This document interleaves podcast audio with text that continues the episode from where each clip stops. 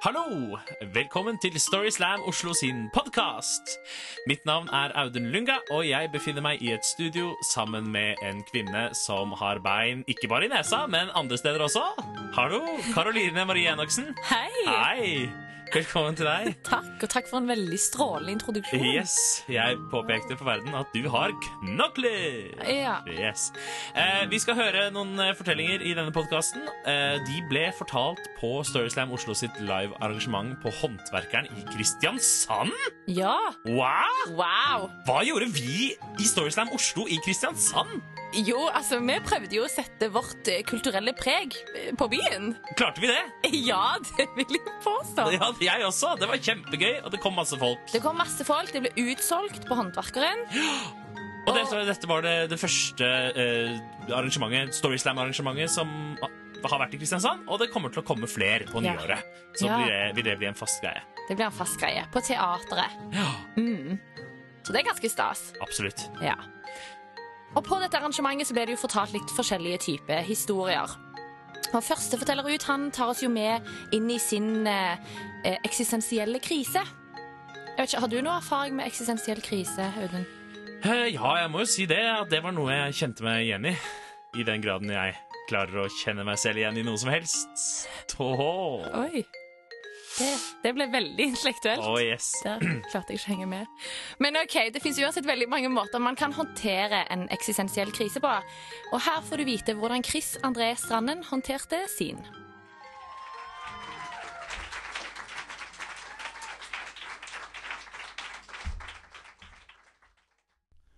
Min historie den eh, begynte da jeg var 17.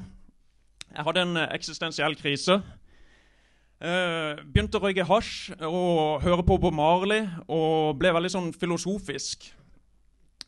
Hasjen uh, tok meg liksom inn i et veldig sånn filosofisk landskap, og jeg ble forferdelig deprimert òg. Og begynte å lese mye om masse forskjellige religioner. Buddhismen den traff meg veldig sterkt, for den sa at uh, livet det er lidelse. Og det appellerte veldig til meg. Så jeg begynte å dra rundt på masse buddhistretreater, meditasjonsretreater og sånt. Og der eh, fikk jeg etter hvert tips om en amerikansk fyr som hadde vært hos en thailandsk mester i ti år. Han hadde vært munk der og vært i ja, munkedisiplinen, da. Jeg ble umiddelbart fascinert og dro hjem og begynte å høre på podkastene til denne amerikaneren. Han bodde i California. Han fortalte masse om eh, treningstida med denne læreren, mesteren, og hvordan han hadde gitt han utfordringer og triks og poka han og prøvd å trigge han, og så skulle han liksom meditere på dette. Jeg begynte å skjønne at det var kanskje det jeg trengte for å finne fred i livet. Så jeg sendte han brev og dro over. Dette stedet de, i California de hadde prøvd å, Det var ute i ørkenen, men eh, det kom fra den thailandske skogsmunktradisjonen. Så de hadde prøvd å gjenskape den stemninga ute i ørkenen. De hadde nemlig planta masse på, en, på et fjell da, som dette klosteret var, så hadde de planta masse avokadotrær. Det er veldig dyrt med vann i California. De har vannmangel. Så, men ved å selge avokadoene så fikk vi akkurat nok penger til å betale for vannregninga. Av og til fikk jeg en avokado i hodet når jeg satt og mediterte under disse trærne. Det var kjærlighet ved første blikk når jeg så denne 60 år gamle mannen i den oransje munkekappa si. Det var Ja, jeg følte meg kanskje litt som Karate Kid, som hadde funnet sin mister Miyagi. Og han ga fort uttrykk for at uh, han hadde lyst til at jeg skulle bli munk der. Han var på en måte definisjonen på en alfamann, følte jeg, der han satt og forta- ja, ga oss leksjoner om livet mens vi satt i halvsirkel rundt han. Men jeg var samtidig veldig i tvil, så jeg dro hjem og fortsatte i snekkerlære. På den ene sida hadde jeg lyst til å bli en slags fysisk mester, en handyman. Jeg, jeg har en tendens til å tenke veldig stort på ting. På den andre sida vil jeg gjerne bli en slags åndelig mester. Etter et halvt år i forferdelig tvil ringte han. Og det var som en spirituell far som skjærte gjennom all bullshitten min og stilte meg akkurat de riktige spørsmålene. Selvfølgelig måtte jeg bli Munch. Jeg solgte alt jeg eide, og dro over. Og Første året var jeg bare kandidat, så da var jeg ikke jeg i den oransje kappa. Men da Det var på en måte honeymoonen vår. Var, jeg fikk sånn special treatment. Det var akkurat som han var litt stolt av meg, siden jeg var fra Norge. At han hadde fått en norsk fyr til å komme hit. Men endelig kom dagen. Drømmen gikk i oppfyllelse, og jeg skulle bli munk. Det var 100 mennesker til stede, i, i hvert fall, som var med på ordinasjonen min. Det var litt av en fest. Men da snudde det. Det var ikke noe mer special treatment. Dette som i, hadde vært et konsept om denne samuraimesteren jeg skulle gå i lære hos, og hvor fett det kom til å bli. Det var slettes ingenting gøy. Han begynte å kjefte mye på meg. Nå skulle jeg på plass inn i rekkene her. Jeg ble forferdelig redd for han. Eh, begynte å trekke meg unna. Dessverre var det sånn i denne tradisjonen at det var vanlig å gi mesteren sin fotmassasje for å liksom gjengjelde hans eh, at han drev og underviste for oss. Det gjorde jeg tre ganger.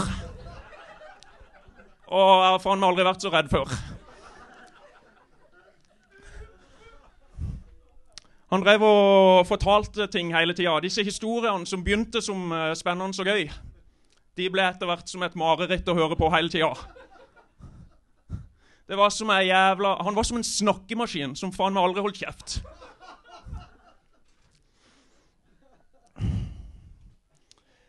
Etter et år under denne torturen så toppa det seg. Jeg hadde fått nok. I tillegg snakka han veldig mye dritt om alle andre klostre og folk som hadde vært der munk der tidligere. Ja. Jeg hadde det ikke noe greit. Jeg skulle liksom meditere på disse tingene han trigga i meg. Det var liksom opp, opp, opplegget, da. Uh, men jeg klarte ikke dette lenger, så jeg skrev et langt langt brev om hvor vanskelig jeg syntes dette var. Jeg tenkte kanskje vi skulle ordne opp i relasjonen vår. At jeg kunne liksom uh, få litt støtte, da. Dessverre skulle jeg tøffe meg litt på slutten av det brevet. Så jeg gjorde den dumme tingen at jeg skrev at hadde det ikke vært for Det skulle egentlig være en slags cred til han. Hadde det ikke vært for meditasjonen han hadde lært meg, så hadde jeg nok hogd han i hodet med en øks. For lenge siden, skrev jeg. Som dere nok allerede skjønner, det falt ikke i god jord. Relasjonen vår endte i en krangel. Det var noen uker med krangel. Jeg dro hjem igjen. Og jeg har vel konkludert med at det å være Munch, det var oppskrytt. Yes. Takk for meg.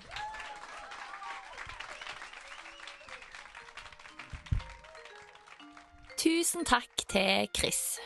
Og Chris er ikke den eneste som har vært på flyttefot. Um, her kommer historien til Lise Dybvik.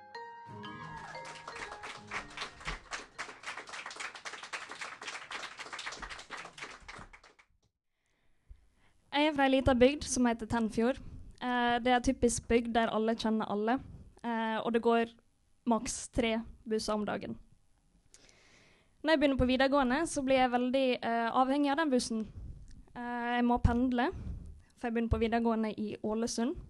Og det er en times kjøretur hver vei. Dere tenker kanskje en time hver vei hver dag. Og det skal bli i tre år. Men disse bussturene det var høydepunktet mitt i hverdagen. Jeg hadde det så kjekt på den bussturen. Jeg hadde alltid noen jeg kjente. Om det var kjæresten min, om det var bestevenninna mi, eller bussgjengen som vi etter hvert ble. Jeg hadde alltid noen å sitte med, og jeg flira alltid. Jeg hadde det kjempekoselig. Og så kommer jeg hjem en dag. Mamma forteller meg at vi skal flytte. Først så tenker jeg yes, litt vekk fra bygda. Men eh, så kommer jeg på at eh, de kommer til å miste disse bussturene. Fordi i den nye bygda, som da heter Sjøholt, som er enda mindre, som er akkurat like langt unna Ålesund og skolen. Der kjenner jeg ingen. Vi flytta over sommeren, og jeg skal begynne i tredje klasse. Um, jeg går på bussen første dagen. Jeg blir møtt av tomme blikk og ikke ei sjel som jeg kjenner. Jeg tenker det her kommer til å suge. Hver dag med det her. Jeg så ingen som jeg kunne bli kjent med, liksom, og ingen, ingen som møtte meg med et smil eller noe som helst. Så jeg setter meg ned, finner den ene ledige i bussen, tar i øreproppene og skal høre på musikk. Det her blir hverdagen framover. Helt til det kommer en kar på bussen en dag. Han spør kan jeg få sitte her, peker på setet ved siden av meg. Og jeg tar vekk veska mi. Selvfølgelig kan du det. Han setter seg ned. Jeg skal til å ha i øreproppene. Men før jeg rekker det, så begynner han å prate til meg. Det blir litt sånn Prater du til meg? Ja, det gjorde han. Um, og før jeg vet ordet av det, så har vi en gående samtale. Og det her gjentar seg dag etter dag. Han kommer på bussen, og etter hvert så spør ikke han lenger om han kan sette seg ned med meg. Det er bare en selvfølge. Um, og vi kommer i prat om uh, at jeg skal selge scooteren min. Um, og så sier han jeg har en venninne som vil kjøpe en scooter. Så jeg, ja, men vis henne den her, da. Leter jeg fram Finn-annonser bare Jeg vil selge den scooteren her. Jeg vil bli kvitt den. Den er kjempefin, går som ei kule. Og uh, sier han at ja, det skal jeg gjøre. Og jeg går hjem igjen og liksom venter på den samtalen vi skal ha i morgen om hvordan det vil gå, om hun vil ha scooteren min. Men han dukker ikke opp. Han dukker ikke opp på neste dag, ikke dagen etter der, ikke på ei uke, ikke på to uker. Så tenker jeg kanskje han er sjuk? Og nei, kanskje han er droppa ut av skolen. Min bussvenn, som jeg endelig har funnet noen å prate med. Kanskje han ikke dukker opp flere ganger. Og jeg skal til å ha i øreproppene mens jeg sitter på bussen. Da plinger det inn en melding på, på telefonen på Facebook. Jeg kikker på displayet. Det er ei jente eh, som skriver til meg. Jeg har ikke peiling på hvem hun er. Så sier hun eh, Kjenner du Justin? Det er han som jeg prater med på bussen. Så skriver hun Han er en mørkhuda mann, men han er min mann. OK, tenkte jeg det var litt rart å si, men um, skrev jeg ja, hva med det?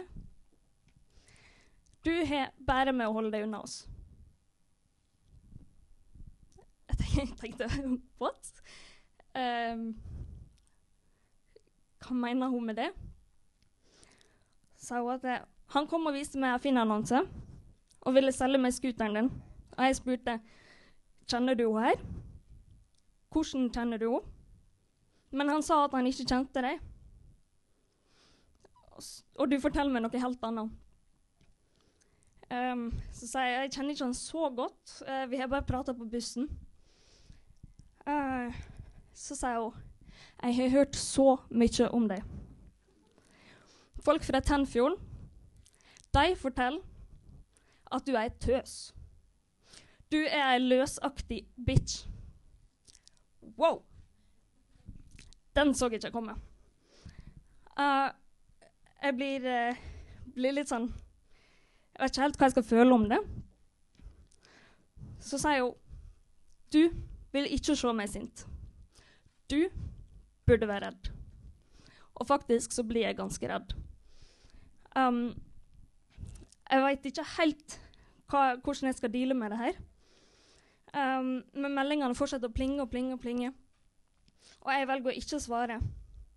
Fordi det å svare sånn til ei som tydeligvis er ganske sjalu, det er ikke en god idé. Uh, så jeg velger å holde kjeft. Uh, og så hører jeg ikke noe mer på en stund. Ikke ser jeg Justin, ikke hører jeg fra henne. Men jeg går likevel og er engstelig for å møte på henne. Så popper det inn en ny melding. Der står det Hvis jeg ser deg, og hvis jeg er sint nok, så skal jeg drepe deg.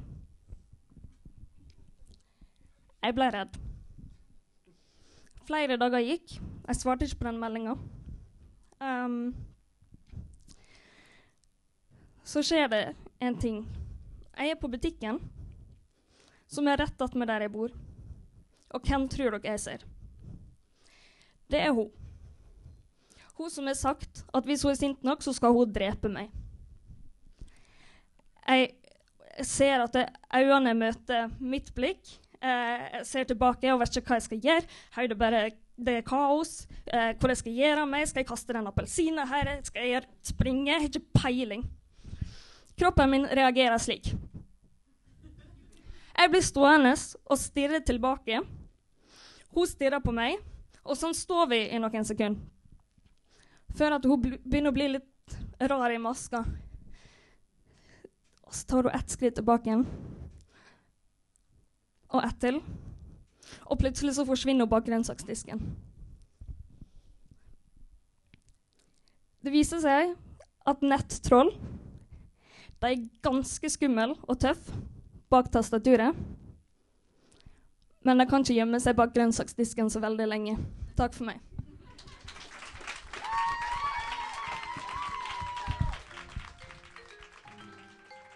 Tusen takk til Lise. Og Storyslam er tilbake på Kulturhuset i Oslo eh, på nyåret.